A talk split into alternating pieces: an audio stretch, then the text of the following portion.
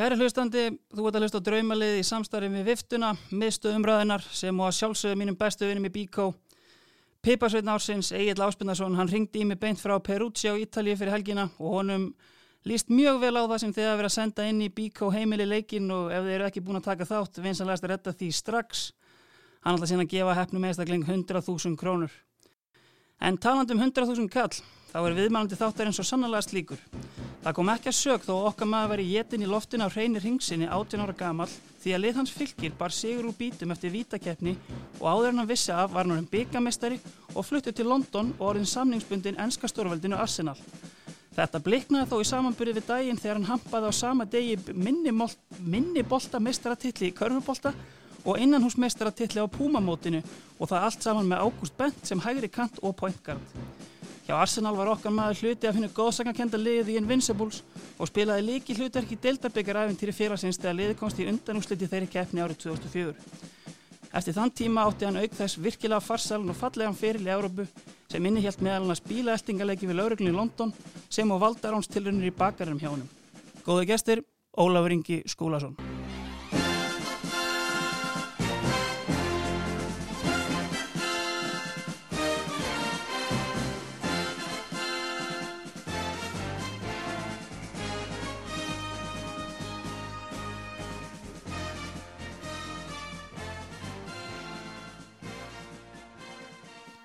Blessar Ólaður Sæl og blessar Þetta er líklega eitt besta intro sem, ég hef fengið. Já, það er ekki? Já. Já, ég held að það sé fint Það var bara mjög, mjög fallið Já um, Það sem stendur samt kannski helst upp úr er uh, þessi, sko, þegar ég var að kynna mér þig, sko ótrúlegur, hérna svona badnaferill í íþróttum. Þú nánast máttir ekki stíga inn á völl á þess að hampa titli, hvort sem er í handbólta, körubólta eða fóbólta Mér finnst nú vera kannski að taka svolítið á hart í árina með það, Já. ég veit það ekki nei, auðvitað var þetta öflugur hópur vorum hérna 83 árgangurinn í, í árbænum var mjög, mjög öflugur árgangur í íþróttum almennt og, og við letum svo taka, til okkar taka í, í, í fótbollan Já. en, en, en svona uh, höfum gaman að, að, að spila bæði körfu og, og, og handbolta Þannig eins og þennan dag þegar þið voru búin að vinna púmamótið og vippuð ykkur síðan yfir á körubóltamótu unnið, maður eftir þessu það? Ég man ekki eftir ég er bara Það er gott viðtal við þig, við skulum hérna grafa það bara upp Já, okay. Já. En það er mitt hérna, svona svo við kannski slöfum þessu, þá er náttúrulega hérna, spilandi líkil hlutverki í þessu, er náttúrulega bent. Var hann góður hæfileikar ykkur íþróttumæður eða? Ég myndi ekki ganga það langt að segja það. Uh, hann, Hans hæfi líka líka á öðrum sviðum hann, En ég meina hann uh, hann var alveg íþróttamæður ef hann, ef hann hafði, þá kannski meira bara áhugin var ekki, Nei, ekki hann lá, þarna, lá annars staðar. og, Já. og hérna og útrúlega vel gefin og, og klár drengur. Mhm. og í rauninni hefði í mínum öfum geta farið hvaða leið sem er í, í lífinu. Já. hann, hann valdi tónlistina og, og, og svo og svo að prodúsa þætti og annað og hefur gert það mjög vel. Þannig að hérna hann er bara útrúlega hefðilegar og flott strákur. Er alveg hárið rétt til þaður og við erum eins og ég segi í samstarfið við Bíkó og þó að hann hef ekki komist í liðið þitt á þessu sinni að þá e, sé ég mig tilneitin að velja Ágúst Bent sem yðnaðamann liðsins í bóði Bíkó og hérna hann er vel að því komin og er þá fyrsti maður inn að bekk ef, hérna, ef allt fyrir úrskeiðis í liðinu. En ég meina eins og ég segi 17 ári atvinnum mennsku og, hérna, og e, margir frábæri leikmenn var erfitt að velja þetta lið? Það eru gert þetta áður einhver tíman Nei, ég hef aldrei gert það áður. Um, Já, já, þetta var svolítið hérna, erfitt að, að svona rifja upp og eða svona uh, fara í gegnum þetta allt saman. Mhm. um, og örgulega ykkur úndan og, og svona margir gerðu stert til, tilkall. En Mhm. hérna ég var náttúrulega bara það heppin líka að, að hafa náð mér í, í eitt keppnisleik með Arsenal sem að kannski skila, skilaði vel inn í þetta lið en Já. hérna en eh, auðvitað bara heppin að hafa verið í kringu fullt af frábæra leikmennum og, og hérna fengið að svona horfa á þá bæði sem kannski samherji og, og, og mótherji það Mhm. er bara verið ótrúlega ótrúlega lukka í- á mínu ferli mm Nákvæmlega. Förum þá bara hérna, já, vippum okkur bara beint í þetta. Hvað, hérna, hvaða leikkerfi hérna, hendur í? Sko ég eiginlega mótaði þetta svolítið eftir bara ég var að reyna að tróða inn svona þeim bestu um, og ég svona fór bara eiginlega eh, fór eiginlega þáleið, ég fór í fjóra, fjóra, tvo í tígulmiðju Já, til að koma, koma mönnum mönnum fyrir uh, hefði svo sem alveg geta farið í í fjóra, tvo, þrjá, einn Mhm. eða, eitthvað slíkt, hefði Mhm. líklega ekki geta farið í þrjá, fimm, tvo en, en hérna en fjórir, fjórir, tveir í tígulmiðju það, það, það var uppistaðan í þessu og ég get bara sagt að þetta er að svín lúka sko. Það er ekki? Jó, þetta er mjög gott sko. Herri, við byrjum bara á hérna markinu, voru margir sem að koma til greina í þínum huga þar? Nei, þetta var kannski svona erfiðasta staðan þannig uh, Hannes gerir tilkall bara út af frábærum, frábærum landslisferli Já. og, og hérna, ég hef náttúrulega aldrei spilað með honum í, í félagsliði Nei. en hérna hann er á bekknum í þetta skipti. Ég ákvað að velja, velja frekar eitthvað sem ég hef átt fleiri leiki með og, Einmitt. og, og hérna og ég endaði að velja hérna dreng sem ég var með í, í Belgíu. Já, spilaði með honum í fjögur ár, Sami Busut. Já, og hann eh, bara solid, góður góður markverður uh, á, á, ásamt svona glóriur öðru hverju. Mhm, og, en, en svona heilt yfir sérstaklega á þeim tíma sem að við vorum saman þá, þá náðum við náttúrulega frábærum árangriðana á tífambil í deildinni og, og hérna og í Evrópu og, og, og hann var alveg stór þáttur því. Mhm. Hann er mitt hérna mm, er þetta svona hérna, ég náttúrulega þekkti mannin ekki á hérna, hérna þú hendur hann á mig. En svona, en hérna, en þú veist, ég fór að kynna mér þetta hann er búin að vera þarna hjá, hérna, Súlti var ekki þú veist, í 10-11 ár. Er þetta, eitthvað svona club legend eða?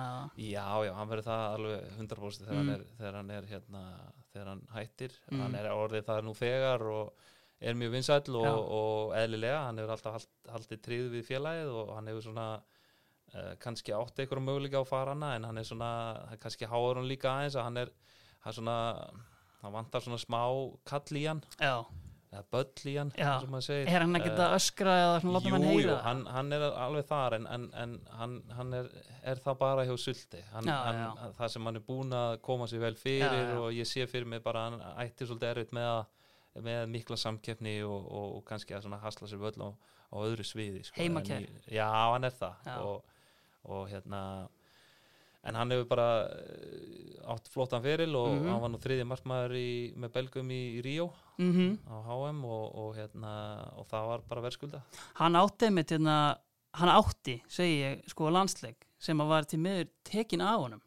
Af því að uh, hann spilaði að uh, einmitt fyrir hérna, mótið 2014 þá spilaði hann landsleik með Belgum mótið Luxemburg uh, en Mark Wilmots notaði sjö skiptingar þannig að leikurinn var þetta ógildur og hann er til miður ekki neitt með neitt landsleik í kjálfarið sko. Það er skellur. Herðu, uh, við uppum okkur þá bara yfir í, hérna, í beinu framhaldi bara í hérna, hægri bakurinn Já. Þekktur þann mann? Nei, Nei. Það, hann heitir David Defoe og er hérna er hægri bakurur uh, að Guðsnáð hann er hérna hann er orðin, hvað er hann 38 ára núna ég. 81 módel 81 mótel Mhm. og er í ótrúlegu standi hann er hérna kom til Sulti frá Hollandi uh, það sem hann hefði verið í tíu ári eða eitthvað Já, hann var í. Sparta Já, Einmitt. Sparta og Róta Já, og hérna kom á sama tíma og ég til Sulti Mhm. og frábæn áhangi var fyrirliðin okkar Mhm. og ótrúlegur svona bara atvinnum maður Mhm. og, og hérna bara með skrokk í þetta líka hann Mhm. er grannur og langur Já, og, og, og tók eftir því já, og góður spynnum maður og, og er bara eins og rennilás upp á niður kantinn Mhm. um, og maður einhvern veginn uh, beið alltaf eftir að svona father time myndi, myndi ná honum en, en það hefur ekki gest ennþá og hann er ennþá að Já, spila og, einmitt. og, og hérna og er bara útrúlega solid góður hæri bakur mm Sko mm, þú sjálfur svona hérna, aðeins verið að spila í bakverðinum uh, eða svona þú veist áttir svona þín stint hér og þar. Uh, kannski svona þess að ég svolítið velti fyrir mér svona hérna ég ætla bara að kafa hérna djúpt bara strax sko. En þú veist náttúrulega miðjumar að hérna, upplægi uh, fast er það svona háðir í gegnum ferilinn á gæti spila margar stöður? Hefur viljað á einhverjum tímanpunkti bara svona ef, þú hugsaði tilbaka svona hefði átt að negla mig kannski eitthvað annað heldur en miðjumann og bara festa mig þar? Það eru plúsar og mínusar við það sjálfsögðu og það er svona eh, það var eh, svona svolítið gegnum gangandi kannski á mér að, að maður það kannski mínusin við það að maður var að, í góðum rithma á miðjunni og, og, og svo lendi við meðslum ykkur starf og þá var manni kastað þangað og, og að, þegar það er alveg samkjörni þá er alltaf hættan á því að að ef mann er hendi hægri bakur í tvo þeirra á leiki að, að sá sem kemur inn á miðjuna eh, bara brilleri og, og, og, og það getur oft verið óþægilegt og erfitt Mhm. að, að þú í rauninni svona spilar þig út úr stöðinni bara með því að spila ágætlega annar stað sko. Um, ég náttúrulega spilaði hérna hægri bakur 2001 með fylki og mm pakkaði saman að reynir ringsinni hérna í skallaboltanum. Já, ekki bara það heldur, hérna, pakkaði mig saman líka hérna, árið 2003 í byggandum á móti Káa þá, hérna, þá fekk Kjartan Sturluson raut og við vorum búin með skiptingarnar og ég fór í markið og hann tók víti og sendi mér vilt tótt þannig að hann uh, Þið er Já, ykkur langa sögu. Já, já, já, hann er alltaf að taka á mér hann, sveit, sko. en, en jú, ég hérna ég spilaði hérna 2001 sem hægri bakurur og, og hérna og fa- fannst það skemmtilegt Mhm. og, og það gekk vel og hérna en ég var kiftur í rauninni sem miðumæður og, og, og fer út til, til Arsenal sem miðumæður og, og þar tók við bara það að vera miðumæður mm en það leiði ekkert á löngu þóng til að þeir fóru líka að sjá að ég gætt list, list bæði bakur og svo hafsend -hmm.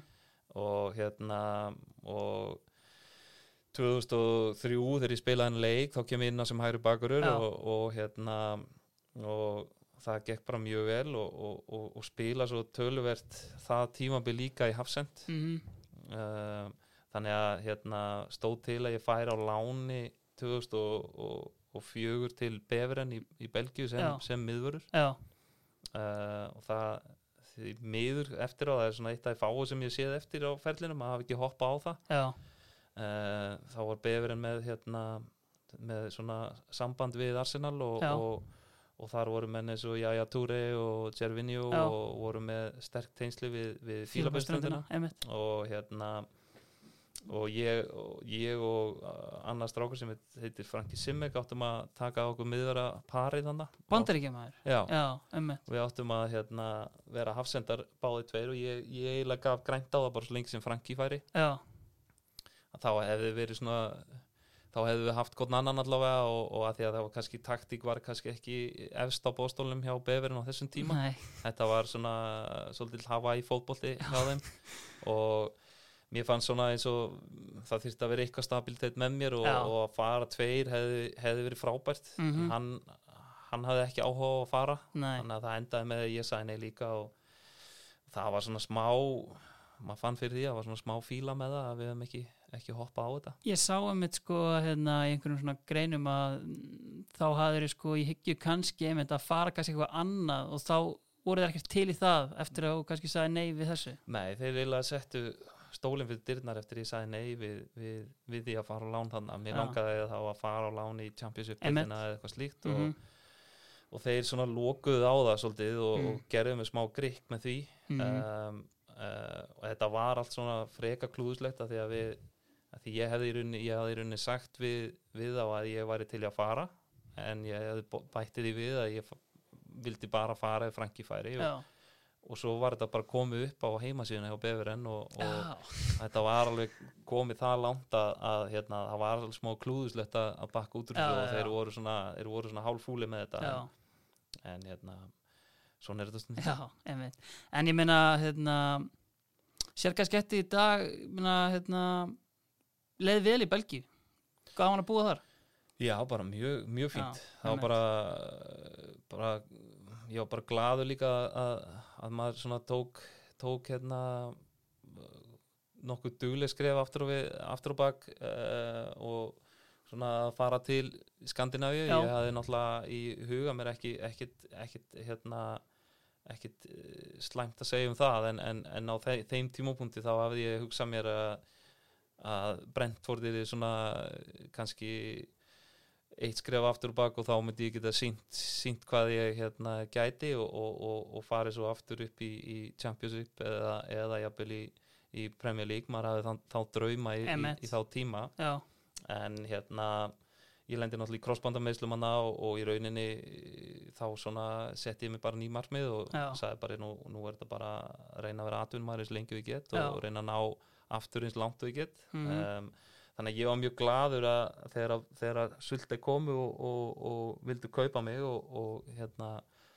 læði svolítið hart að sönnísku mönnum að, leiða mér að fara og, og komast aftur í Európu og, mhm, en okkur leiði mjög vel í, í Belgíu og, og góð deild og, og, og það gekk, gekk náttúrulega ótrúlega vel hann sérstaklega annað og þriði árið. Já, þannig að hérna, það er bara tími sem ég mann man vel eftir og, Mhm. og er mjög skemmtlur þetta er einmitt sko hérna aðeinsvert sko svona rúla oft í gegnum hérna, ef þið hirti tala, veist, hvernig þú talar svona um hérna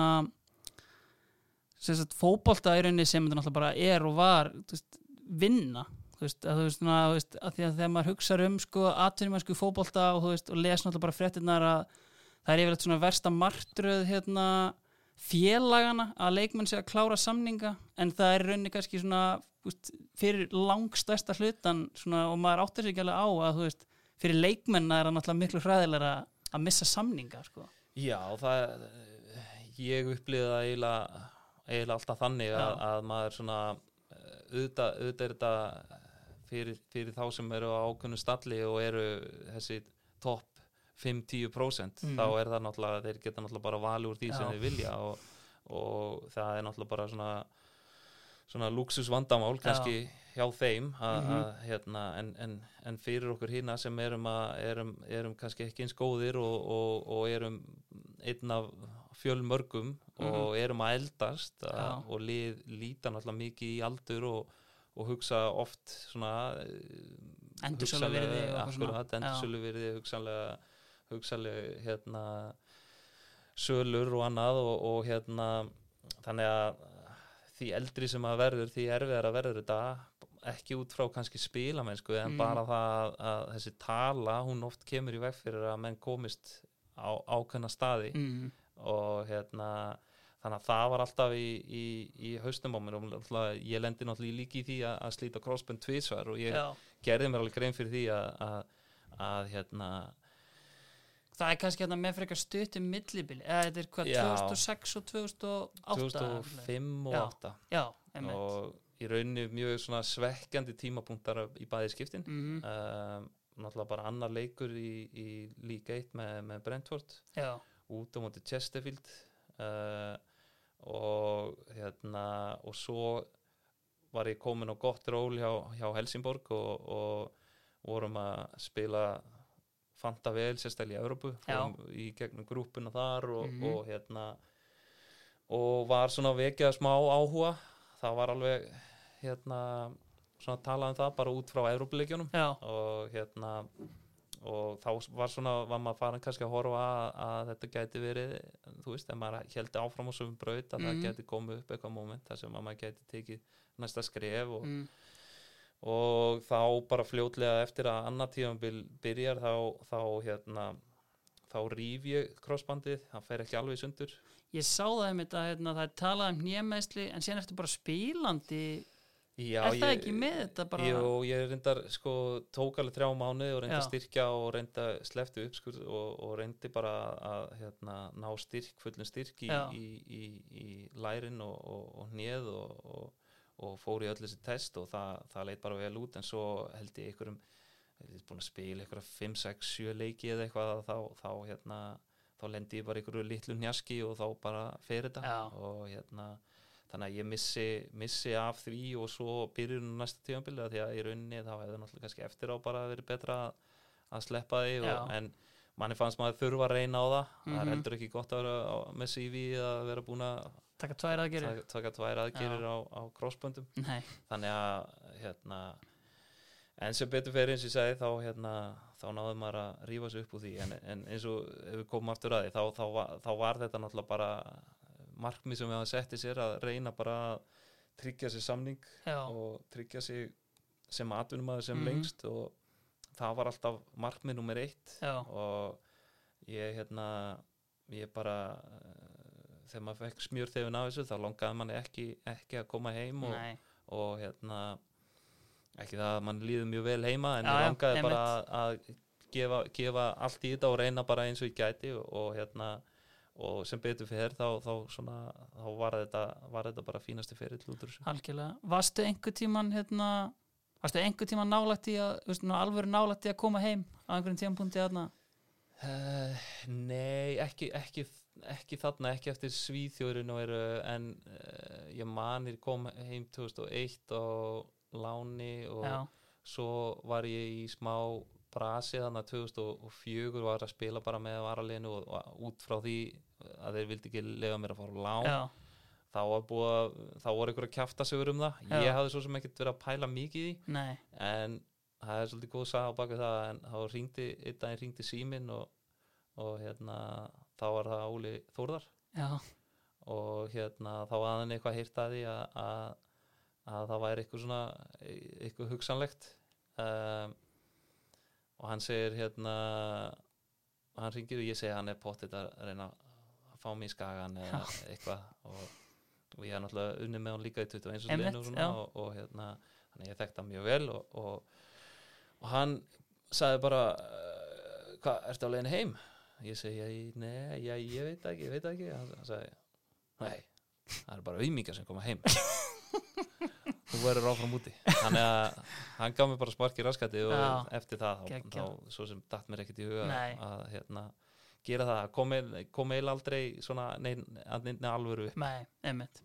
Herri, uh, David Defoe hann er hæri bak uh, vinstri bakurur, vinstri bakurur er Gail Cleese já hann styrkir Eh, lið mjög. hann gerir það, Aha. hann gerir það. Hann hérna hann kom hana held ég ári eftir að ég kom með tveim. Já, tveim held ég, Já. 2003 já, já, og, og uh, við spilum náttúrulega svolítið saman í varalinu Mhm. og, og, og svo þennan leik uh, sem að ég spilaði. Og hérna náttúrulega bara sá bara strax að þetta yrði, yrði hörku vinstri einmitt. Uh, ótrúlega fljótur og góður og, og hann var náttúrulega á þessu tíma fyrir aftan Asli Kól einmitt, sem var náttúrulega besti vinstri bakur í deildarinnar Já. og hérna en maður svo sem vissi að ef að, ef að það yrði til þess að hann færi eitthvað sem að, sem að varð þá, Mhm. þá hérna þá steig hann bara inn og, og átti bara frábæran fyrir og,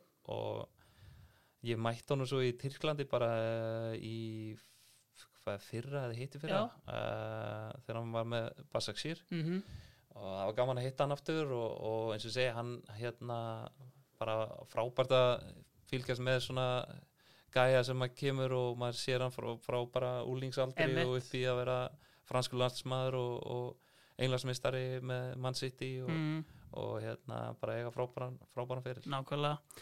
Sko, hérna þú fer til Arsenal 2001 eftir hérna byggarleikin uh, aðdragandina því er hérna scout, er það ekki? Sem Jú. að hafi tjekkað þið fyrir Tottenham. Uh, þú veist, þú fer bara beint inn í varalið eða úlingalið já, varalið. Já, já. hversu mikið þú veist á þessum tíma þetta er 2001-2005 þú veist, erstu bara dett inn á æfingar með aðaliðinu eða veist, eða var það eitthvað eða? já, það var eh, svona töluvert hann í kringum þennan tíma þegar ég spila og, og mikið í kringum, kringum þann tíma og, og, og þá sérstaklega var ég að dett inn á æfingar sem hafsend það var Mhm. einhver meðslið hann að við vorum náttúrulega með Kólutúru og Sol Kamper já, á þeim tíma og ég var að spila mikið hérna hafsend í varaliðin líka Mhm. og, og hérna Filip Sanderos var hann líka og Einmitt. ég var svona uh, ég var að standa mig allavega það vel að, að það var svona uh,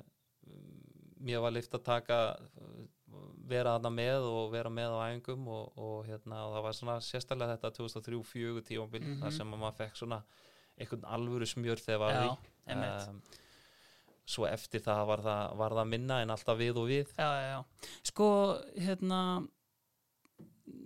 ég meina á þessum tíma einmitt, hafsendar hjá Arsenal eða, veist, kannski svona aðeins líka bara svona fyrir Kól og Túri og Solkampur en þú veist, þá ertu með svona leikmennarna sem ég myndi svona já, mögulega klassifæða sem trúða, sko. Eh, eins og til dæmis Igor Stepanops og, og annað slíkt. En sko, veist, það sem að velti kannski fyrir sér að, einhverja hluta vegna eru þessir menn hjá Arsenal, en þú veist þegar þú, ég hugsa hann hlust ekki en til dæmis Stepanops, þú veist, þegar þú efðir með honum, spilar hann ekki fullt með honum í varaliðinu líka, Já, hann var nú ekkit hann fekk bara lítið að spila hvorki með varliðinu eða þannig að hérna kannski segir alla sögur hann, það voru náttúrulega bara klálega mistök Já. og ég meina uh, hann náttúrulega uh, var bara gladur í, í í ykkur ár sko með fínum launum og, og bara hefur líki trúa sínum eigin augum uh, hérna en þú veist hann var að með minni vinstri fótar.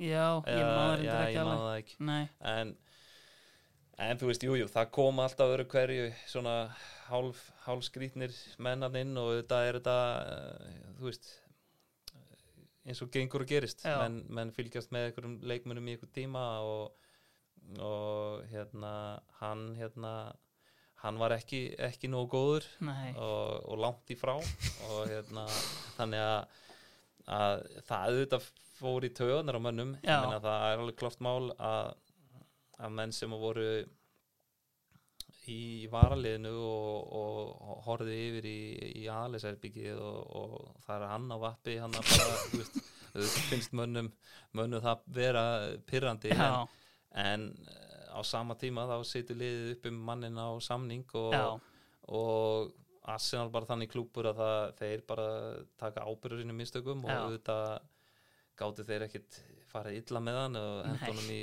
í, í, í, einhverja einstælisæfingar eða nýtt Nei, þeir nei. náttúrulega bara sátu uppi með hann Já, já. og, og leið honum að vera þannig til að samningur er rann já ég sé hérna sko að hann virðist mögulega hafa tekið befur en giggið þegar þú neytaði en hérna, já, það er möguleik á því sko. Já. Það getur verið. En hérna en þú veist til dæmis bara svona að æfa með manni eins og Arsene Wenger þú veist hérna ég ef einhvern veginn sé þið segja sko að hann hafi verið mjög hands on meira sér líka bara svona í varaliðinu og annað þú veist bara svona Já, hann var bara þú veist, hann var bara með, með þetta einhvern veginn allt saman og Já. hafði bara ótrúlega yfir síni yfir allt Mhm. um, maður einhvern veginn trúði því ekki að hann vissi eins og hvað maður hét já, og hvað þá hvað maður væri eða eitthvað slíkt en hann var með allt svoleiðis hreinu þá Já. skipti ekki máli hvaða leikmaður það var hann bara vissi hver, hver einstaklingurum var og, og hann var bara með puttan í öllu Mhm. og hann var bara þannig þannig manager að hann var eins og segja, hann var inn í öllu og, og þegar ég spila þennan þennan hérna varalsleik uh, þegar ég er á reynslu þá er hann að horfa á Já. og það er hann sem gefur gó og, Mhm. og, og það kom mér náttúrulega svolítið óvart að, að hann skildi vera svona mikið inn í málunum og, og, og hérna en svo náttúrulega er hann bara í, í þessu starfi og auðvitað nummer 1, 2 og 3 að, að, að hugsa um, um aðliðið en, en það kom mér alltaf að sífölda óvart hvað hann var ótrúlega svona duglegur að bæði fylgjast með og svona sína að hann vissi nákvæmlega hverju væri hvað og, Mhm. og annað þannig að það er alveg ótrúlegt með hennar mann hvað hann, hvað hann, hvað hann mann og hvað, hvað, hérna, hvað hann var góður að reyna að fylgja öll eftir sko. sko náttúrulega grótari stuðnismæður Arsenal bara frá æsku, varst einhver tíman á Wenger átvagninum Uh, ég átti mjög erfitt með það Já. og hérna en ég viðkjörnum það alveg maður var alveg orðin, orðin smá svona þreyttur undir lokin uh, og bara svona meira svektur einhvern veginn uh, svona fyrir hans hönd einhvern veginn og maður var hálf fúll bara með, með manni fannst hann einmitt og kannski bara hans svona hans downfall var kannski líka bara hvað hann var lojal og hvað hann trúði alltaf á menn sama hvað á gekk og Mhm. sama hvað þeir gerði marga glóriur þá einhvern veginn sko gafst hann aldrei upp á mönnum. Mhm. en það sýnir líka hvaða mann hann hefur að geima já, þannig að þú veist, vitandi það líka þú veist, þá, þá átti ég alltaf erfitt með að, að svona eh, ráðast eitthvað gegn honum þannig sko en, mm, en mér, þetta var hugsalega bara runnið sitt skeið en, en á sama tíma þá hugsaði maður alltaf hver, hver átaka við þessu. Mm, og hver, hver getur gert betri hluti það er hins vegar uh, á eftir að, um eftir að sjá það hvort Já. að Emery eh, hérna geti eitthvað eitthvað gert. Já, það að vera komið ljós. Já. Herri, uh, ef við förum þá bara hérna í hafsendana. Já, það, það var svolítið svona líka erfitt en, en loka niðurstaðan var bara Raggi og Kári Já. Iceland Sweethearts. Já, Eh, bara alveg, alveg hafsenda tandem þannig já, uh, ótrúlega öflugir saman og, og hérna svona vega hvern annan Mm. upp og passa bara ótrúlega vel saman Mhm. sem afsendar uh, það hefur verið erfitt kannski að setja á í sikkur lægi já, en, en, en svona sem miðvara par þá eru þeir bara eins solid og þeir gerast. Mm það er einmitt sko nákvæmlega, þegar maður hugsaður um þetta veist, þá kannski auðvitað hafsendar kannski íslenski sem hafa átt þú veist, betri ferla og allt veist, jafnvel mun betri en þú veist, kannski þetta er bara svona eins og segir, tandem og bara svona hérna, eitthvað band á milli þeirra bara. Er þetta líka bara svona hérna þegar landslið hittist, eru þeir fyrstir til að líma sér saman eða þú veist, er þetta bara eitthvað sem maður sér innan vallar eða eitthvað svona Mm, þeir eru kannski ekki alveg límti saman fyrir en einhverjur aðrir sko. þeir eru samt, þeir bara ná vel saman Já. bæði utan og inn á vallar en Mm. það er náttúrulega sérstaklega límtir saman á, inn á vellinum og, og eins og ég sagði, þú veist, þeir eru með, með auðvitað báðið með sína kost og galla eins og allir en, en þeir hvern annan svo gríðlega vel upp að, Mhm. að, hérna, að þeir bara hjálpa, hjálpa hverjum öðrum og lesa hvern annan svo vel að, að úr, úr því verður þessi, þessi yndislega samvinna þeirra. Já, herri, Kári og Raggi uh, Við uppum okkur þá bara hérna upp á, á tígulinn sem við byggum til. Já. Hvað byrjum bara neðst í tíglinum? Neðst í tíklu djúpum miðumæður, það er engin annar en Patrik Viera. Já, ég, ég sá einhvern tímann sko hérna einhvern tímann, það var bara í gæri eða áðan, viðtal við sko að þú talar um hérna það er kosið í lið á æfingu í Arsenal þá er þið Patrik Vera kosin fyrstur. Já, það er bara klárt mál. Já, Hann, hann, svona ótrúlega, svona, bara flottu leikmaður, mm, ótrúlega, svona, hvað segir maður, svona, ótrúlega vel byggður, Já. stór og mikill og, Mm. og svona grannur en algjör nöyt sterkur og, og bara hræðilegt að eiga við hann já hræðilegt að fara fram hjá honum og traustur á boltan það er einmitt það sem ég held að fólk svona ég held að nefnilega þegar maður hugsaður tilbaka í dag það er alltaf mikið af fólki sem hangir á því að hann hafi verið sko djúpur miðumæður og einhver svona varnar buff sko þegar hann var ótrúlega góður á boltan sko og bara, frábæleikmaður Já. og bara uh, gat sko bara tekið leiki yfir og bara kontróla leiki algjörlega Já. og, og bara ótrúlega kraftur í hann líka sérstaklega náttúrulega kannski á yngri ára þegar hann var, hann var bara gat verið box to box og, og, og hérna ótrúlega yfirferð á honum og, og las leikin frábælega og eins og segið, þú, þú kannst alltaf eh, bara, bara, bara þetta dæmum þegar ég spilaði hana, þú veist, þetta var maður tauga ástyrkur til að byrja með, mm Mhm. maður kom inn á hana og, og, og, og hann kom hann að joggaði til mér, hann sá greinlega bara að ég var hérna bara að með skítinu buksunum og hérna hann sagði bara við þú veist, ég vandrar hann bara lætur mig fá hann. Og þú veist, ég gerði það bara. Ég var sama hvort það voru tveir eða þrýr kringum hann, hann svo leggja langur líka Já. og útlima langur að hann bara gætt haldi mönnum frá sér, hjælt boltanum alltaf hjælt alltaf líka mannum á milli og gætt alltaf leist úr öllu einhvern veginn og, og útrúlega tröstu leikmaður. Mhm. hvernig var hann sem karakter? Og svona bara hérna fyrirlið Arsenal og hérna en þú veist svona kannski við var hann með eitthvað bandir við ungustrákana var hann eitthvað í svoleiðis hann var svona, ég var svona frekar rólegur sko, Já. hann var ekkit ekkit hérna það var ekkit hérna einhver brjálæðsli stríðni í honum eða Nei. eitthvað slíkt, hann náttúrulega var bara með útrúlegt respekt og held því bara alltaf og, og, og svona maður leit náttúrulega bara þvílíkt upp til hans og, og, og hérna hann var svona, kom alltaf mér fyrir sjónir bara sem svona rólegur og yfirvegar professional bara. Professional og, og bara eh, svona leiðtói mm og, og hérna en hann var auðvitað alveg með í djókunum hann, hann, við vorum, hann var náttúrulega kom hann náttúrulega bara hvað hann hefur verið átján ára eða eitthvað Já, þegar kemur frá AC Milan. 96 Já. eða 7, já, og ég meina þá er hann náttúrulega með Tony Adams og já. Ray Parlour og Paul Merson og gengur inn í alvöru bandir vélar þar sko. Já, hann er að Ray Parlour sá svona mestuleiti um, um bandin hann tók náttúrulega bara alveg þátt í því eins og, eins og, eins og hinnir sko. Mhm.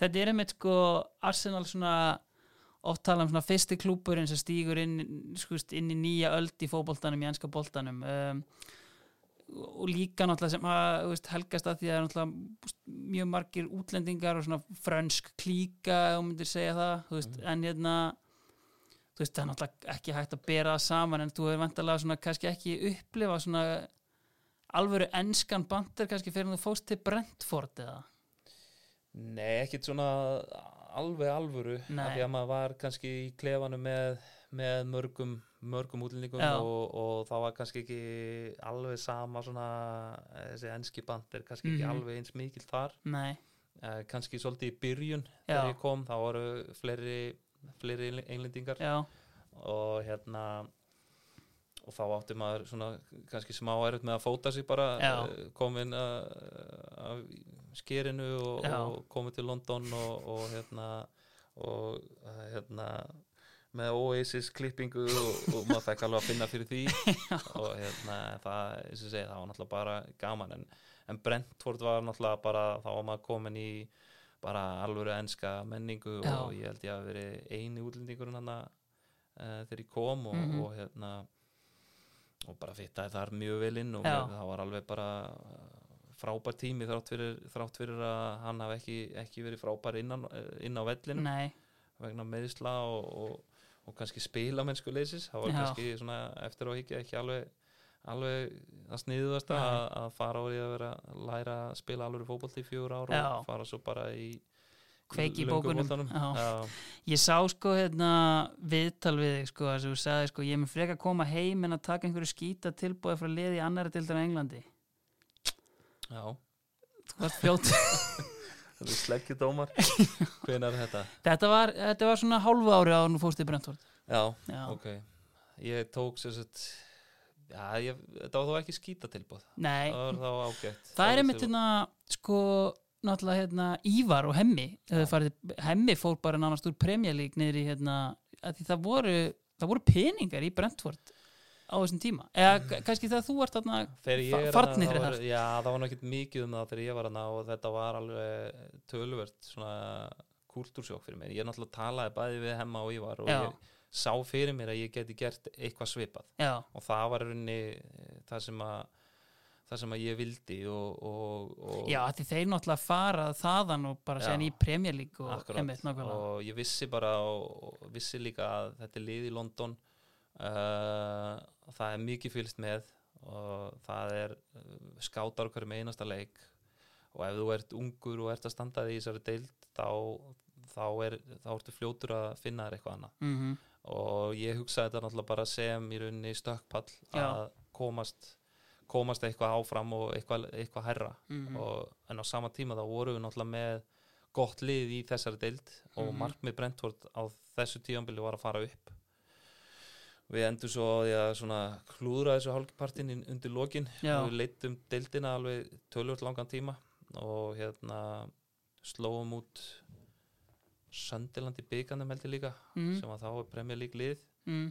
og hérna og Er þetta setjum tímabilið þegar þú ert þetta er fyrra, já, þetta er þegar ég er já, og hérna og, og eftir að það í rauninni þetta var basically þannig að það var öllum peningum var, að var allt sett í budget á, á leikmenn. Mm, það var þóttakonan var reikin til þess að spara pening til þess að eiga í laun fyrir leikmenn. Já, þannig að við þrifum á okkur sjálfur og hérna og hérna aðstæðan var bara reynd út sagt hræðileg já, það var ekki engin líkansrækt það var eitt svona hvítt hjól sem að trekti upp og það náttúrulega var hræðilegt fyrir mig að meiðast Já. á þessu stað Shit. út af því uh, af því það var, það var í rauninni þetta var bara beinagrind og, og, og í rauninni bara allt sett í, í hérna í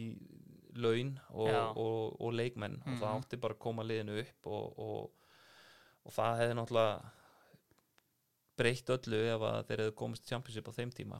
Um, en hérna því miður þá töpum við í play-off á móti Swansea og hérna komist ekki upp og, og Martin Allen sem var að þjálfa liðið á þeim tíma fóð til MK Dons eftir, eftir tímabilið og, og þannig að það breytist töluvert uh, á setna árinu og Mm. við vorum með bara mjög lélegt lið. Já. Ég sá að hérna spilaði með DJ Campbell í Brentford. Kom það óvart að hann væri síðan mættur í Premier League eða flotti leikmaður eða? hann var með svona svona X-faktor svolítil hann kom í rauninni til okkar bara úr utandildinni já, og hérna og hann hérna hann eh, var svolítið bara óskrifa blaðir hann kom en maður sá bara strax að hann var hörkuflottur í fótbolta. Hann var alltaf kannski átt, átti erfið æsku og var svona smá svona troublemaker um, en hon, hann fekk bara skýra línur frá, frá Martin Allen Mad Dog Martin Allen sem var að þið langaði ekki til þess að reyta hann til reyði sko hann hérna bara alveg nagli Já. og hann bara sagði bara við hann hann fengi bara þennan sjens og, Mhm. og, og hérna og hálfu, ári setna var hann kiptið fyrir miljón Mhm. pund til, til Birmingham já fínt fyrir Brentford að fá eitthvað í kassan allan já, ekki spurning. Herri, uh, en uh, fyrir framann Viera í tíklinum fyrir Það framann erum sérst offensíu miðmaður við köllum það það. Já, uh, það er Torgan Hazard. Já, spilaði með honum hérna í Súlte hann kemur ári eftir þér eða á sama Já. tíma? hann kemur ári eftir. Og þá er hérna árið það sem þið endi í öðru sæti dildinni og, hérna, og hann er hérna hann er lánaður í tvö ár frá Chelsea Já? Já. hann var í Lens í Fraklandi og Chelsea runni kaupir hann á sama tíma og, og Edin bróður hans akkurat og það var svona greinilega ykkur pakka dýll og maður svona í mann þegar maður hugsaði þetta svona við erum að fara að fá eitthvað, eitthvað svona Bróðir. bróður sem er eh, heldur hans ekki að gera en Já. eh, er svo ekki neitt já, en hann heldur betur uh, var frábær og, og ótrúlega svona hann er með þeim skemmtilegri sem ég spila með að því leitum til að, að honum fannst bara svo gaman að koma á æfingu uh, hverjum degi. Já, og við vorum þarna með eitt leiðilegasta þjálfara sem ég unni með sem heitir Franki Dúri og hann bara svolítið lífgað upp á þetta og, og hérna og náttúrulega bara fyrst og fremst frábæri fótbolta Já. og, og svo bara útrúlega jákaður og skemmtilegur strákur sko. var hann þá svona hérna class clown inn í bara svona Já, hann var náttúrulega bara þú veist, 18-19 ára þegar hann kemur Mhm. og bara fannst þetta gaman og, það var svona að því að maður var eiginlega kannski mm, svo sokkin í þessu einhvern veginn að maður var fann að taka öllu svo alvarlega og Einmitt. maður var svona vinna sér í samninga og, Já, og maður var bara kannski búin að gleyma bara hvað þetta var mikið Einmitt. og, og hann svona fannst mér, hann svona allavega kveikt í því hjá mér að, að þú veist þú veist, ok, þjálfaran er erfiður og leiðilegur Mhm. og, og, og dagarnir geta verið langir og leiðilegir en, en þú veist, bara bara muna eftir þessu barslega eðli muna, Já. þú veist, reyna þú veist, finna þessa gleði á ný já, hann allavega hjálpaði mér mikið með það því að hann bara eins og segja hann var líka bara svona óhrættur og Mhm. bara auðvitað vara með hérna þú veist, fann hann alveg fyrir því að hann var bróður Edin Hazard og það Já. hjálpa honum auðvitað að, að svona, þú veist, þú veist, hann bara svona svolítið bara bara gaf skítið og fannst bara, þú veist, ég ætla bara að koma og, og gera mitt besta og ef það klikkar þá bara klikkar það og ég fer bara eitthvað annað hann var svolítið þar og, og þess vegna náði hann líka bara þú veist, hann tók hann smá tíma að komast í gang. Svo Mhm. eftir áramót þá bara hann var bara svakalegur. Já. og, og árið eftir líka og þá í rauninni árið eftir er hann valinn Já, það er kannski deildarinnar. betra ár meira sér en skorar hérna þú veist, 15 mörg eða eitthvað og hérna og vinnu guldskóin í Belgíu og, og hann, eins og segja, bara ótrúlega hæfilegur ykkur, ótrúlega svona jákar og skemmtlegur og, og, og hérna og bara var indislega að spila með hann mm. uh, segi gullskóin hérna í Belgíu eru þeir ennþá að veita Ebony and Ivory gullskóa? Eh, ég bara Nei, veit það í, í belgísku dildinu þá voru þeir alltaf að gefa sérst gáfu annars eða sko sérst þeim svarta leikmanni sem skoraði Já, flest mörg ok. og síðan hinn um hvíta en hérna, ég held að það hafi, ég ætla að það fóð fram hjá mér en hérna já, en þetta tímabil hérna kannski er svona gaman að fara yfir það núna í svona ljósi umræðinar á Íslandi. Belgía náttúrulega spilar með þetta fyrirkomulag svona úslita keppnis hérna, eða deildar fyrirkomulag einhvern veginn. E, er þetta fyrirkomulag sem þér fannst spennandi? Er þetta eitthvað sem þið er áhuga að taka upp á Íslandi? þetta var mjög skemmtilegt eh, ef þú varst í top 6 Já, ef þú varst í play of 8 þá var þetta náttúrulega ótrúlega skemmtilegt. Já, þá varstu með tíu topp leiki uh, og bara mikið spenna, fulli vellir mm, og, og mikil umfjöllun og, og, og pressa og, og það var bara ótrúlega skemmtilegt. Upplýðir þetta þannig að þú veist hérna þú veist, var svona, þú veist deyfið yfir þessu þangað til þetta byrjaði eða, hérna, eða var þetta allt bara Nei. jæmt og þétt? Já, mér fannst þetta að vera bara allt jæmt og þétt, mér fannst þetta að vera bara alveg hörku, hörku tímabil uh, 30 leikir í deild og, og það var náttúrulega bara fyrst og fremst var náttúrulega bara þessi keppni að komast upp í í top 6 Já, og, og svo náttúrulega vorum við bara þannig lengi vel í efsta sæti og, Mhm. og, og þá var þetta náttúrulega snýrist um við að snýrist um að reyna að taka með sem flest stig í playoff 1 þannig að Mhm. það var alltaf ykkur að keppa og, og hérna þannig að mér fannst það alltaf mér fannst það aldrei neitt issue það var aldrei neitt að menn gáti eitthvað að slaka á og Já. spara sig fyrir playoffið það, það kom aldrei, aldrei til greina Mhm. um, hins vegar náttúrulega eins skemmtild og playoff 1 er þá náttúrulega var playoff 2 svona freka leðilegt um, þú veist þá varstu í, í tveimur riðlum með, með fjóru liðum og, Já. og, og hérna liðin sem að vinna þá reyðla þeir mætast svo tvísvar, innbyrðis heima og heimann og spila svo við liði sem lendur í fjóruða í playoff 1 já, um er, já, þetta er svona algjört Já, ok. Þannig að þetta er alveg svona þetta verður svolítið verður svolítið þreytt sérstaklega eins og segið búin að spila á móti ykkur liði tvo leiki og svo mætur þeim tvísvar heima og heimaðan aftur og, en eh, þó gömminni skára heldur um playoff 3 á þeim tíma sem ég var sem var sem ég þakka bara Guði fyrir að hafa ekki lendi en það var eitt það súrasta sem að það eru bara tvö lið sem spila bara, bara best of five. Nei, bara spila bara upp í fimm leiki innbyrðis um hver, hver heldur sér í, í deildinni það er ótrúlegt. Já, það er bara hræðilegt. Komin í handbólta fyrirkomulagi já, bara, þú ert bara komin í, í, í körfuna. Nei, nákvæmlega. Herði, uh, og þá á hérna Já, hliðar, hliðinum á tíklunum. Ræði kannski bara hvort með henn og byrjar. Við getum bara að byrja að hæra megin. Það sett ég held ég Fabrikas Já, emitt og hérna hann var bara heppin að komast inn. Nei, hann er hérna ég bara bara aldrei eftir að gleyma þegar hann kom fyrst. Og hérna bara einhver 16 ára spánveri uh, bara bara pingulítill og grannur og, og ég man þegar ég spilaði með honum fyrst í varaleginu, við vorum saman á miðinu ég hugsaði bara þessi gæja hafa verið hlaupið yfir hennar mann sko. þetta var ég bara, mér leið bara svona hálf illa fyrir hann sko, af því að þú veist valvistildin þú veist, fullt af góðum leikmönnum en, Mm. en hún var náttúrulega líka bara alveg baróta og, og djölgangur mm og oft svona gátu leikir list upp sérstaklega á móti okkur þar sem að við vorum að spila besta og, menn hefði ekkert gaman að því kannski Nei, sérstaklega og liðið svona mætti okkur bara og ætla að sparka okkur út af vellinum og, og hérna og vitandi það þá, þá leist mér ekkert á þetta. Mér fannst þeir vera að henda honum hans í djúft í laugina hana að henda honum hann inn í, í varalið að ég gælt en hérna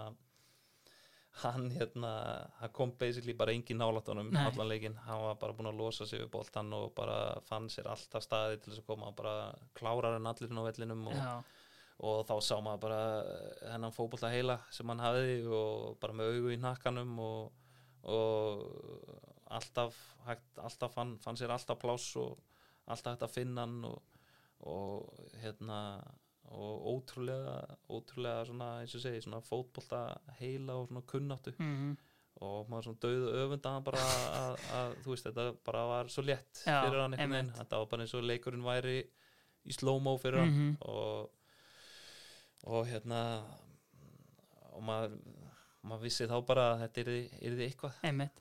Ég man sko hérna, og svona hérna, kannski fyrstu árin þegar Fabrikas er að byrja í liðinu þá var hún alltaf hrósað fyrir svona hluti eins og hérna, þú veist, jú þú veist, kannski svona utanvallar laði mikið á sig að læra ensku þú veist, og í staðin fyrir, þú veist, ég held að hann hafi flutt ánga bara einn og búið með senderos eða eitthvað svoleiðis.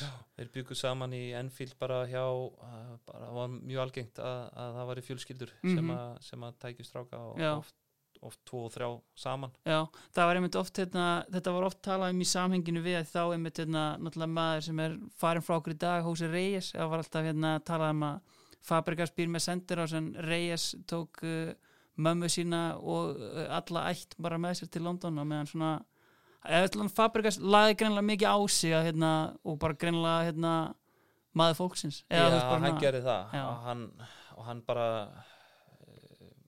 bara eh, svolítið svona eins og Bellerín núna eh, bara hefur gert það líka uh, hann bara uh, einmitt fór bara beint í það að læra ensku og Mm. bara verða einna, einna hópnum Mhm. og, og, og hérna og gerði það bara mjög vel og, Mm. og, og bara down to earth strákur, bara vildi bara spila fótbolta og sanna Mhm. sig og, og, og hérna svona svipa og eins og segi tólkan það er bara ótrúlega gaman að því að vera í fótbolta Já. og, og svolítið svona grætna bak við eirun með það að gera bara en, en þú veist, það var bara náttúrulega frábært að vera í kringu það Mhm.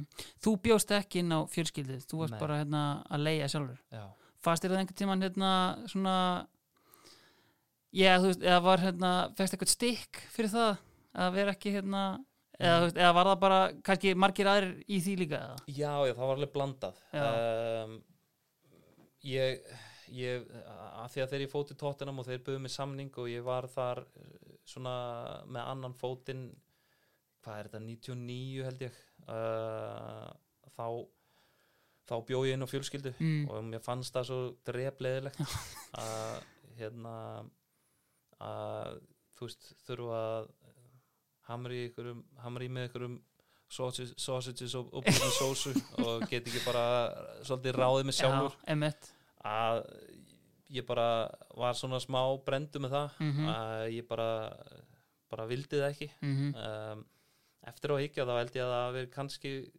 hefði verið einfaldar að, að, að bara að því að Arsenal gerði þetta bara í rauninu mjög vel að flesti strákandi voru hjá fjölskyldum á svipum stað Já. þannig að þeir voru ekkit hérna, einangraðir mm mhm, og þannig að leikmenn voru að hittast bara annarkvort heima okkur með að bara á kaffihúsum eða að fara í bíó saman eða Mhm. eitthvað og, og hérna þannig að það, það hefði kannski kannski auðveldað innveruna mhm. en hérna Var einveran mikil eða?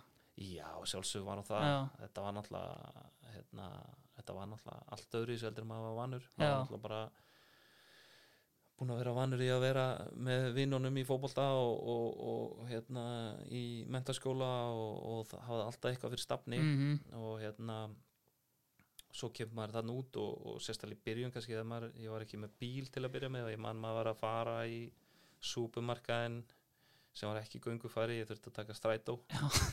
Og þá reyndi maður einmitt að kaupa bara eins og maður gat fyrir alla vikuna og það voru kannski ykkur 6-7 pókar sem að maður burðast með út í, út í strætóskíli og tróði sér inn í strætó Líf fótboltamassins Já, þetta var kannski ekki alveg, alveg það sem maður sá fyrir sér kannski en, en, en þetta, eins og segi, þetta var svona á og, og auðvitað mikil tími á milli og, og, og svona maður gæti alveg látið sér leiðast og það var náttúrulega líka kannski ekki þessi tækni sem er í dag það Nei, nei, ekki, ekki hérna, FaceTime eða, eða, eða þessi samfélagsmiðla sem er Mhm. í dag, það er náttúrulega fjarlæðin er orðin miklu minni í dag Mhm. og hérna það maður hefði haft gott að því að hafa það maður var þarna. en, hérna, en þetta uh, bara herði mann líka og, og gerir mann að þann manni sem maður er í dag Rétt uh, Ég sá hérna viðtal við þig þegar þú varst að fara frá Arsenal þar sem á hérna Tjóðlega ertu búin að gera hérna. en hérna, en sagt sko það var hérna á frétti mokkanum sem að þú sagði að já, Arsenal er að byggja um 45 miljónir en ég er að fara að heyra einn í David Dean sjálfur gerður það eða? Bankaður upp á hjá einum harðasta manni ennska boltans og Já, þetta er örgulega David lækkaði verðið Þetta er örgulega á, árið áðurinn í fyrr Já, þetta Já. er þegar samningurinn er hérna Já, þetta er sagt þannig og þetta var pyrra með dag í dag þá það gerist í rauninni að, að ég er að renna út á samning og þeir bjóða, mig á, bjóða mér ár framleikingu Já, og hérna en mér langaði að fara. Mhm, og ég fer í rauninni í óleifi á træjal til Bologna á Ítali já. Og fer bara eftir tímabili fer þangað og hérna um, og, og hérna stend mér vel og það gekk, gekk mjög vel og, og sá fyrir mér bara þú veist uh, mér heyrðist bara á mönnum og, og, og umbúsmennu tölum það að það væri bara bara, bara klárt að þeir vildi taka mig og Mhm. ég bara list frábæla vel á það. Já, og hérna þá kemur það upp að það þarf að borga uppeldsbætur. Af því að þeir voru búin að bjóða mér annað ár. Ég hefði verið frýr, þú veist, ef þeir hefði ekki bjóðað mér annað ár þá hérna þá hefði ég geta farið frýtt já. Og hérna þessar uppeldisbætur á þeim tíma reiknuðust eitthvað upp eh, hvort að leikmaður, ef að leikmaður var búin að spila alansleik mhm, og aðalisleik Já, hjá félaginu þá var þetta komið upp í bara einhverja fáralega upp já. Og þeir Og- náttúrulega nýbúnir að borga hann að fylgi fullt af pening fyrir að hérna, að Alveg. spilaðir hann að fullt af pening. Þannig að þú veist ég var svona pyrraður með það að, að, þetta stæði í vegi fyrir mér Já. að komast bara því þeir eru raunni búin að bjóða þér samning já, og ég veist þessar reglu voru bara að þetta er að bjóða mér veist 10% hækkun eða eitthvað og veist á þessum tíma þá er maður ekki maður er bara á varalis og úlingalis samningum Einmitt. og þannig að það voru einhver peningar til að tala um Nei, og hérna já ég er svona þeir ágreinlega bara haldið að þeir gætu fengið þetta mm, og þetta stóð bara og, og ég hérna komst ekkert. Nei, og þess vegna endaði ég að taka fjóra tíma já. þannig að, að hérna En fóstu á fund með var, ég fór uh, hvernig var þetta? Ég fór og ég var nefnilega á þessum tíma þá var ég með, var ég með hérna, umbósmann sem hétt Steve Kuttner. Já, og hann í rauninni að prótsaði mig í gegnum Tony Adams. Já, og hérna tón, tó, hann var umbúsmaður Tony Adams og, og ég hérna þannig að hann fór og rætti við. David Dean hann þekkti þá, mm, ég fór ekki sjálfur upp á skrifstofu til David. Dean en þetta því miður gekk ekki upp og, og í rauninni bara endaði því að ég tók fjóra tíma mm, sem er kannski svona Já, þú er allan að vera að vilja vera farin Já, í, ég meina það var alveg klálega ári of langt í varliði og, og hérna, var í vandran líka það ár með meðsli Já, einmitt. Og hérna þannig að það ár var því miður bara ekki ekki gott. Nei. og, og hérna og svona eftir að higgja þá hefði það verið alveg frábæð punktur fyrir mig að fara eitthvað annað. mm, Nákvæmlega, en hérna, svona er þetta. Já. Heldur einhverjum sambandum við hérna, einhverja frá Arsenal tímanum í dag? Það er ekki mikið. Ég hérna uh, það er kannski hefur svona verið mest í gegnum mest með Sebastian Larsson. Já, uh, alltaf öðru kóru mhm, og, en það er orðið langt síðan síðast. Hann kom nú hérna heim í brúköpi mitt og, og svo ætlaði ég að fara í brúköpi til hans en það gekk ekki upp og svo hefur við svona þú veist það er svona aðeins mhm. slitna úr því. Uh, en það var svona lengst, lengst vel að því að líka að ég fór til Svíþjóðar og, Já, já. og, og hérna og sem sagt bróðir konar hans bjó í Helsingborg. Og hérna þannig að þar, gátu, þar hittustu alltaf á, Mhm. á, þau kom alltaf einu svona ári einu Mhm. svona tvisar ári og þá, þá hittustu alltaf og, og, og hérna þannig að en það er svona það hefur að mestu svona slitnað upp úr maður hefur kannski ekki verið, verið nóg duglegur að, að halda sambandi og menn eru bara misjafnir í því Já, já, svo einmitt. eru menn bara í sínu einhvern veginn Já, og bara svona ditt- lífið mallar bara áfram Já, hittir, hittir enda Moritz Woltz líka í, í Já. Þískalandi ég var í hérna með hérna Sönjíska já, uh, og Sebastian Sverd hitti ég líka. Hann kom nú hingað hann kom hingað já, Já. rétt. Heyrði hann eitthvað í þér að hann kom hingað? Nei, reyndar ekki. Það er Eh, nefnilega sko, sorry ég grip fram fyrir þér en það er hérna það er magna minnstur í ferlinuðinum sko, út með hérna út í Arsenal, þá spilar hann með Sebastian Sverd sem kemur til hérna þróttar uh, í Brentford. Það spilar með þeim miklu höfðingja Sam Tillen Já, uh, þaðan ég átti ferði þetta stóra þátti því að hann kom til Ísland er það? Já, ekki, ekki um Sebastian Nei, en hérna hann talaði við þig eða? Já, ég, ég hitt hann uh, ég var komin til Svíþjóðar þegar, á þeim tíma mm og ég hitt hann uh, og fór, fór til hérna, Englands í smá frí með konni og, og ég hitti Sam og við rættum saman yfir kaffibólla og hann hann var svolítið bara að vera þreyttur á þessu og, og hérna og var með Terry Butcher að með minnir sem þjálfara sem er kannski svona gatt verið erfiður Já.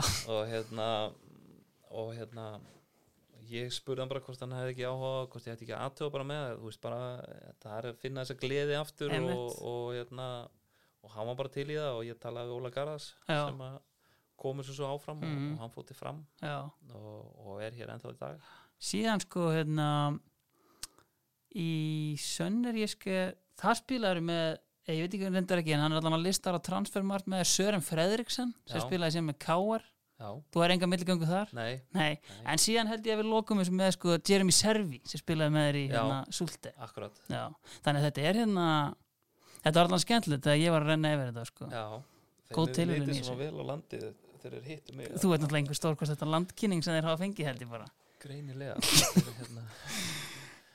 Nei, það er samt uh, veist, maður talar alltaf vel um, um land og þjóð Já. og, og hérna og hérna það er bara gaman að að fá svona gauðra heim uh, maður, þú veist, Sam náttúrulega átti frábæra fyrir já, já, heima algjörlega og hérna og hefur bara á bara íslenska koni í dag og Mhm. bara orðin íslendingur. Já.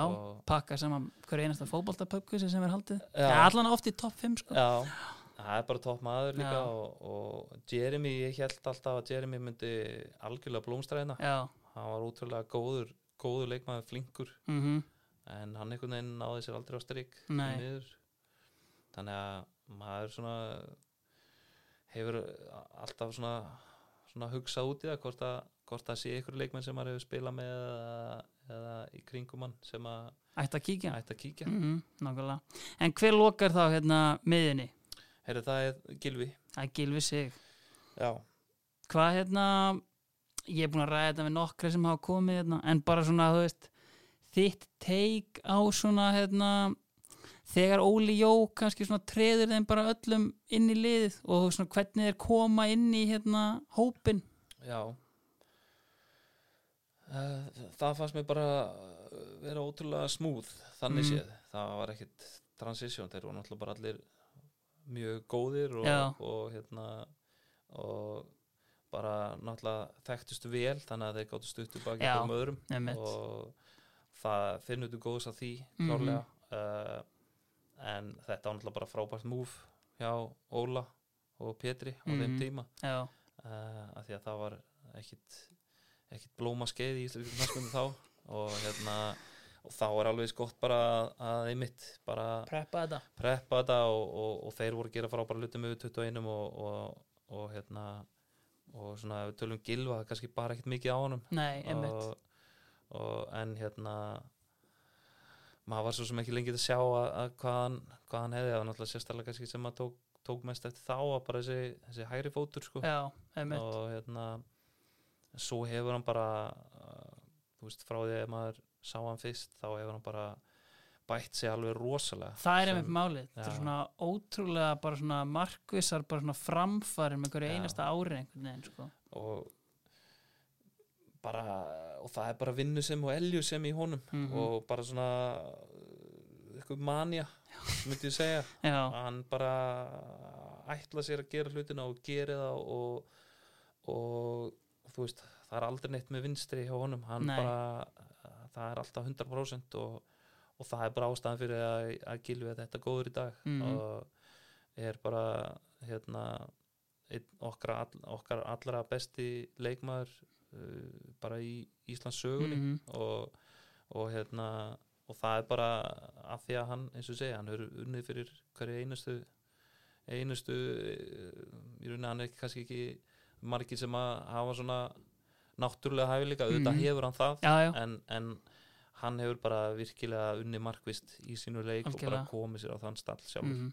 hann strækar mann stundum svolítið eins og segir sko, þú veist, bara svona er manía í elgjusemi en þú veist, strækar mann kannski stundum svolítið eins og vélmenni, svona fyrir þá sem þekkja hann ekki neitt, en svona er er bak við þann front einhver hérna sprellari og Já, já, al, al, ynga veginn vélmenni, ég get alveg skila okkur að, Já. fólk haldi að hann svona kannski eh, hérna heldur sér bara út af fyrir heldur sig sig út af fyrir sig með það og bara og, og bara er bara hreinn og bein í viðtölum Mhm. og, og, og svona kannski er ekkert að gefa neitt ómikið af sér þar Mhm. um, en það gera það bara á öðrum og, en þú veist bara frábakarðir og liðsmaður Já. og, og, og þú veist það er alltaf alltaf djöblast í honum og, og tekur gríni og, Mhm. og gefur tilbaka þannig að mm. að það er bara, bara ekki spurning að, að það er alveg sprelli gósið hann inni sko. Mm Herði uh, förum þá í framlínuna uh, Tveir Champions League titlar þú mátt hérna ráða á hvorum þú byrjar Ég ætla að byrja á Henrik Larsson. Já, við getum gert það. Uh, Þegar þú ert að koma þarna í Helsingborg er þá er hann í Helsingborg nema hann er í Manchester er það ekki rétt hjá mér? Þú veist, ég meina an absolute legend, er það ekki bara? Jú, jú, klárlega.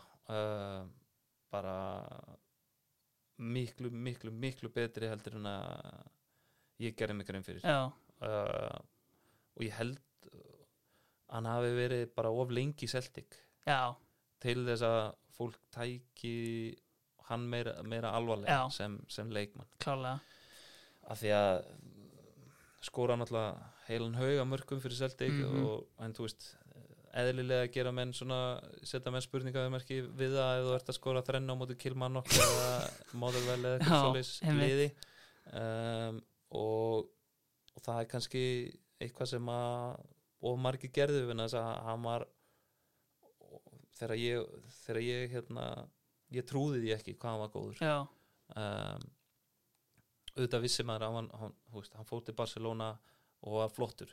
Já. Svo fyrir hann láni til Manju og var flottur. Mm og auðvitað vissi maður alveg en ég gerði mér enga grein fyrir hvað hann var ótrúlega sniður og góður fótballmaður -hmm. Náttúrulega, þú veist ég meina hann er orðin 30 og 7 Já, 38 ára þegar þú spila með hann hraði að hverfa en þú veist Já. bara hérna nánast þetta negla inn og hann tekur alltaf við honum og, Já, bara líka hann var svona sp- spilaði svolítið meira sem svona kannski tíja, Tía, já. og, og var svona kannski minna eins og segja, hann var náttúrulega eldfljótur þegar hann var yngri já, og, og var meira svona þannig svona vera kannski direkt leikmann þá en það var líka bara svo gaman að sjá hvernig hann var bara búin að þróa sinn leik út frá sínum sínum svona líkamsbörðum mm og, og eins og segi bara það er nefnilega oft sko að þú veist þegar hérna með svona leikmenn sem eru hraðir að veist, þetta eru sennilega þú veist, síðan þegar líður á í bumbuboltanum þá er þetta kannski slökustu menninir sko. En þú veist, hérna, en Henrik Larsson náttúrulega, þú veist, heldur þessu ég meina, hann, þú veist, hann spilar í Englandsmeistara liði Manchester United eftir að hafa tekið basically bara svona season í Svíþjóð og hérna og bara holds his own 110% sko Já. þar alveg e, klárlega og, og eins og segi það er oft ekkert verra en að vera eldfljótur og eldast já, og hafa alltaf haft það einhvern veginn það edds á alla að vera fljótar en allir og, Mm. og, og svo allt einu ertu ekki fljótari lengur þá náttúrulega lendir í basli og þetta læra fótbolt upp á nýtt Já, þannig að hann mér fannst það nefnilega svo rosalega svona impressiv við hann að eins og segja, hann bara hann bara mótaði sin leik út frá sín líka spurðum og, og bara náði einhvern veginn bara vera bara frábæð leikmaður ótrúlega Mhm. lengi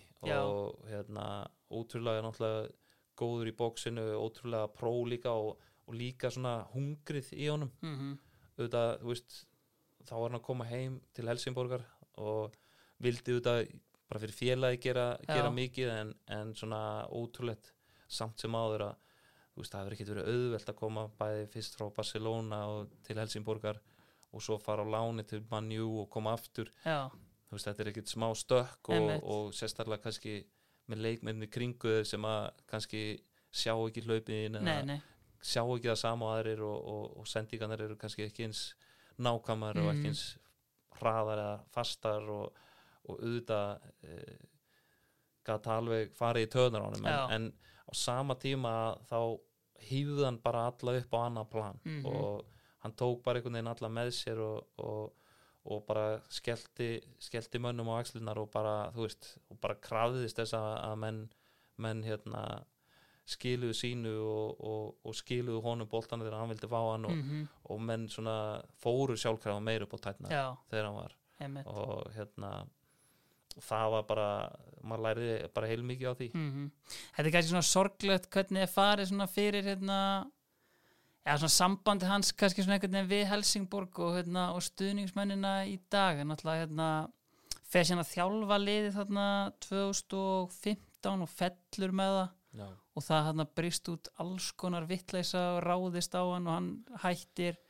Tók síðan við aftur núna í sumar og er hættur. Þetta er svona Já. einhvern veginn já, Já. veginn svona sorgarsaga eða svona, Já það, það kom mér aðeins óvart. Mér fannst hann svona uh, hérna kannski svona kom svona smá stórmönsku brjálaði í hann fannst Já. mér og bara líka bara hann undir lokin um, og því miður þá svona það eðilaði svolítið fyrir honum hann svona einhvern veginn var svolítið svona smá besservisser og, og svona út af ferlinum sem hann átti Mhm. uh, þá svona fannst hann kunna meira og vita meira en allir aðrir er það talað um það þið voru að spila saman? Nei, Nei, þú, þú veist, auðvitað, var, auðvitað var, var það aðeins þannig Já. en hann náttúrulega bara skilaði því inn á vellinum að áttu kannski efna því þegar hann er að hann spila á ennþá. því þegar hann var að spila því að það var bara þannig. Uh, en hann var ekkit auðveldasti maður í heimi að vera í kringum einmitt. og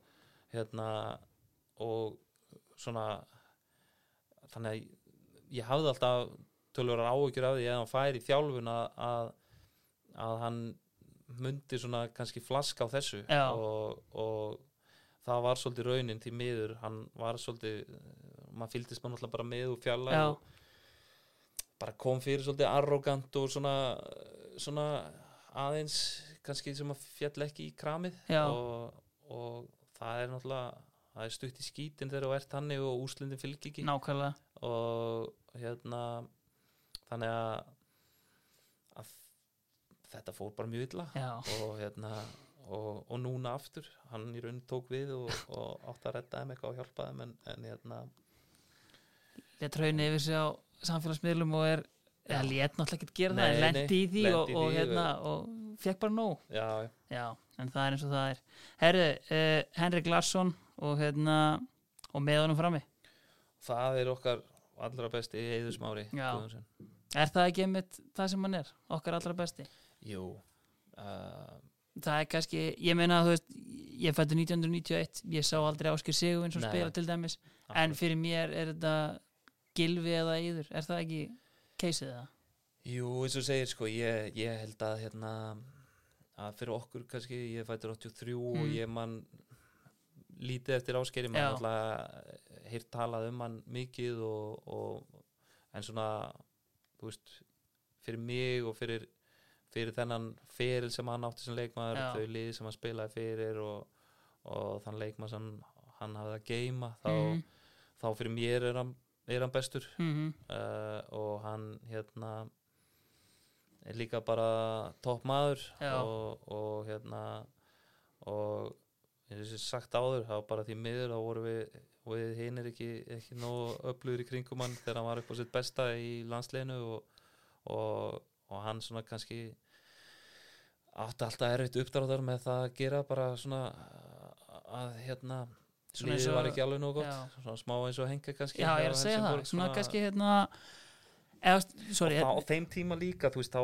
þá, þá er þetta líka svolítið, þetta er aðeins annað heldur en þetta er orðið hérna heima með bara umgjörð og Já, já. annað og auðvitað helsta í hendur og, og ekki það að liðið að vera eitthvað ríkala slæmt, þá fullt af flottum og- þrýr til fjóri leikmenn í premjör líki hverju einasta byrjunulegi Já, þannig að það eiginlega ekkert upp á það en það var bara allt annað í kring sem að, sem að var svo langt á eftir og, og ég get bara rétt ímynda með hvernig það hefur verið að koma í landslýsfærir verandi í Chelsea eða Barcelona. Já. það hefur alveg verið helvíti erfitt Mhm. svona andlega að- taka, takast á við það. Og þurfa að bera alla ábyrjuna kannski einhvern veginn líka Já, sjálfur á allir genginu og, Já, akkurat og, og, og hérna þannig að, að mér finnst bara, bara frábært að hann hafi komist á stórmút Mhm, með, með liðinu og, og hann átti það svo sannlega skil mhm. það er einmitt hérna, eins og kannski svona lýsir þessu með hérna, Henrik Larsson og, og Eid sko að því leiti að þeir eru rauninni að spila eins og Eidur með landsliðinu og Henrik þannig komin í Helsingborg veist, þeir eru á allt öðru level og þeir eru að spila allt annan leik kannski heldur en þeir sem er í kringum hann. Uh, upplýður einhver tíman veist, eins og hérna, þú veist bara að þú veist bara svona að maður verði lítill í sér að spila með svona mönnum að því leiti kannski að þú veist að verði bara svona erfiðara fyrir allir kring að spila með þeim eða þú veist, fattar eitthvað hvað er að fara? Já, ég skil gátt við. Uh, Nei, ég upplifið það ekki þannig, en auðvitað kannski sjálfsagt hafa ykkur upplifað þannig. Já.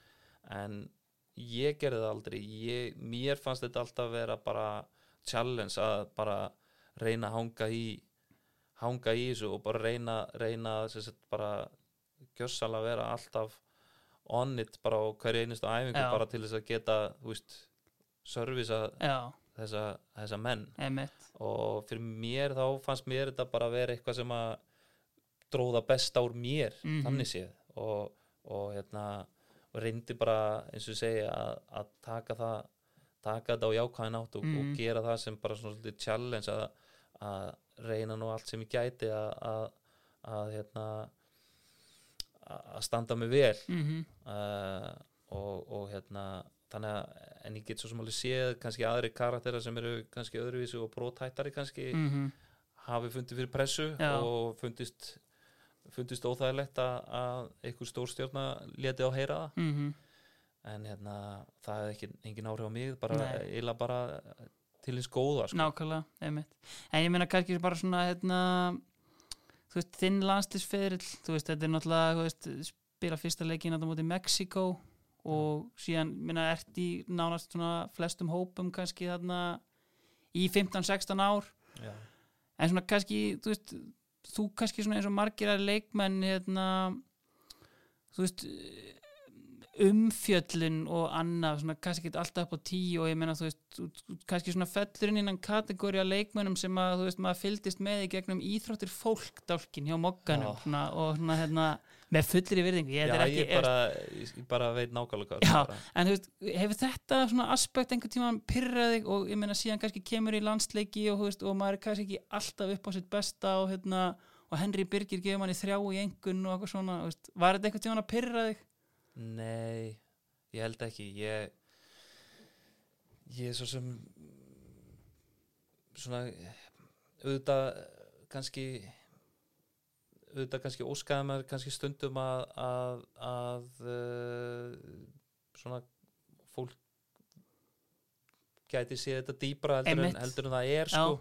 En, en hvernig á það að gera það? Veist, það er hins vegar, þú veist maður verður að vera raunsýn með Já, það líka. Mm ég gerir mig grein fyrir að, að það er ekki margir á Íslandi sem fylgjast með belgisku deildinni og er ekki að skella sig fyrir fram að tölvuna að stríma sulti varagem á móti serkli brugge eða ykkur svo leis Já, þannig að veist, það gerir ég mér alveg 100% grein fyrir og, og auðvitað eins og segi þá kannski voru ekki margir sem að bara höfðu séð mig spila í, Mm. í langan tíma og svo voru þetta kannski einhverju leikir inn á milli með landsliðinu uh, einhverju byrjanleisleikir og svo kannski 15 myndur hér, 20 myndur þar og auðvitað Mhm. þá kannski og sérstaklega kannski þessa leiki sem maður fekk að byrja þá er þetta oft einmitt uh, oft leikir sem kannski skiptir litlu máli. Einmitt. oft leikir það sem er búið að rótira mikið. Já, já, og engin í takt kannski. Já, og ég er bara þannig leikmaður að, að og hef alltaf verið að ég þarf alveg svona uh, taktíst hefur verið yfirleitt mjög góður og solid og sem alltaf krefst Skipti- ákveðina æfingar og samhæfinga með, með já, spilurum og annað mig miklu máli að, að hérna að leikmyndinir í kringum mig viti hvað þeir eru að gera Já. og ég viti hvað ég er að gera Mhm. og, og, og ég geti lesið leikin út frá, út frá þeim og, Mhm. og hvað þeir ætla að gera og, og hérna og það er svona kannski var ekkert að hjálpa að að hérna að þegar maður fekk kannski eitthvað tækifæri að, að einmitt að það voru mikla hrókeringar og, og, og auðvitað reyndi maður bara að gera besta úr því. Mhm. en, en maður kannski náði aldrei að komast á neitt svona almennlegt flug og, og fá svona kannski almennlegt tækifæri til að sína hvað í manni bjó Einmitt.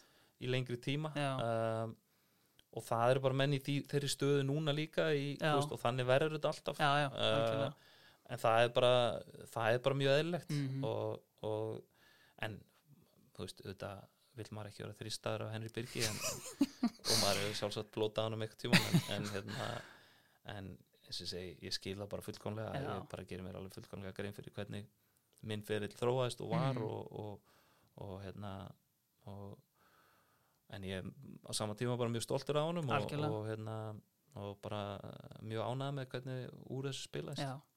Herru, þá er uh, liðið allan að komið uh, í markinu, svo fyrir með þetta Sami Bosu nei, hvernig var þessi framburður? Bósut Bossut uh, David Deföf í hægri bakari Kári og Raggi Hafsendar og Gael Kliss í vinstri bakari uh, Tígul meðjan uh, Patrik Viera, Gilvi Sesk Fabrikas og Torgen Hazard.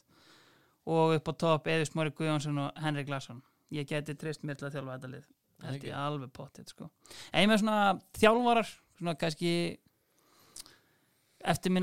og svona Igor Tudor, Já uh, alvöru nagli. Já, ég elskaði Tudorinn. En það ekki? Jú, ég varst hann frábær og hann uh, hérna hann svona læriði hellinga á honum. Já, hann náttúrulega fór til gala bara í janúar, loki janúar einmitt. á fyrsta tíðanbylunu með Karabúk og ótrúlega bara harður og hérna góður taktist líka Mhm. bara ekki dó flókið en Nei. bara samt svona blanda af, af góðum undirbúningi og svo bara svona gamla skólanum bara, þú veist, ef menn ef menn voru ekki að gefa, gefa það sem þurfti í þetta Já. þá bara fóru menn út af fyrir hálfleik og skilabóðin voru bara voru bara skýr já, og það var aldrei neitt uh, að þetta var alveg svolítið erfitt lið geti ímyndað mér að þjálfa. Mm það voru flesti leikmyndir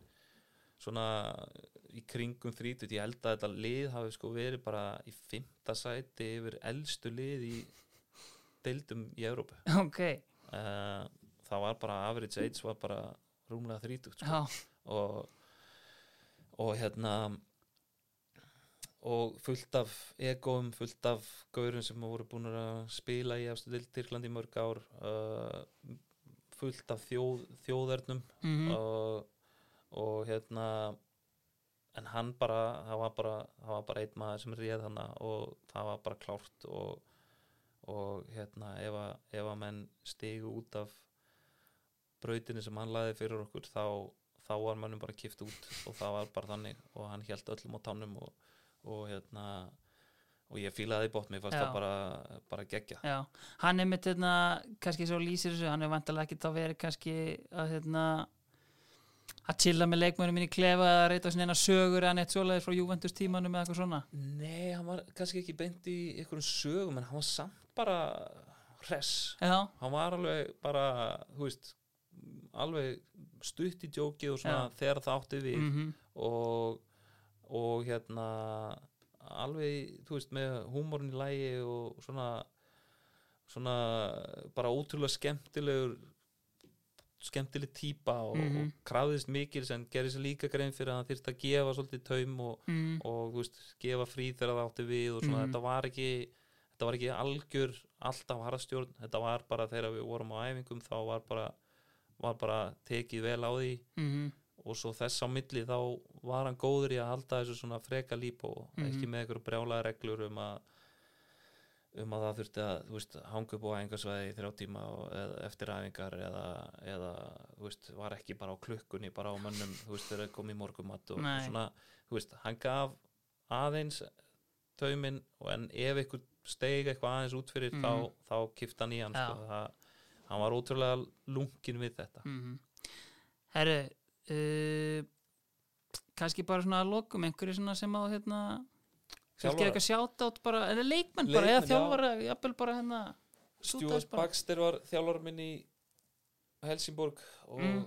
bara frábær maður og góðu þjálfari, hann er held ég að þjálfa Suður-Afríska landsliðið aftur í annarskipti, hann var að þjálfa finska landsliðið líka á tífambili Var hann líka að þjálfa í Tyrklandi Já, þegar fórst hann þangað? fekk mig til genslir Og er einn af hérna fimm þjálfurum sem þjálfaði hérna á það var ekki hálfa eftir ári? tvo leik Ná, það var skellir Já, um, uh, en alltaf verið í góðu sambandi við hann líka og bara algjör topp maður mm, hann, ég myndi líklega velja hann sem þjálfara þessa liðs. Já, bara svona út frá bara hversu bara fær, fær þjálfari og, og, og góðu náungi hann er. Mhm, uh, Sebastian Larsson eins og Já. hann hefði nú verið geta dottið á, á, á kantinn í 4-2-3 meitt já, hann náttúrulega átti mjög fínan mjög- fyrir já, Já. og eiginlega átti eiginlega enginn kannski beint von á því í, í, þegar hann var með okkur í varleinu ha, hann hérna ymitt bara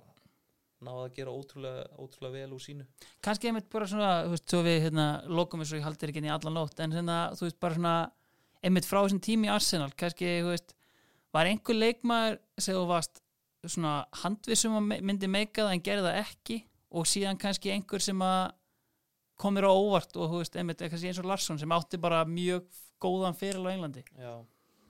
Ég myndi potið setja Larsson bara í það. Uh, að því að meiri segja þá ég get nú ekki alveg 100% staðfest þessu en ég með minnir þetta að vera þannig að þeir, þeir þegar þeir fengan frá Svíþjóð já, þá reyndur að hætta við.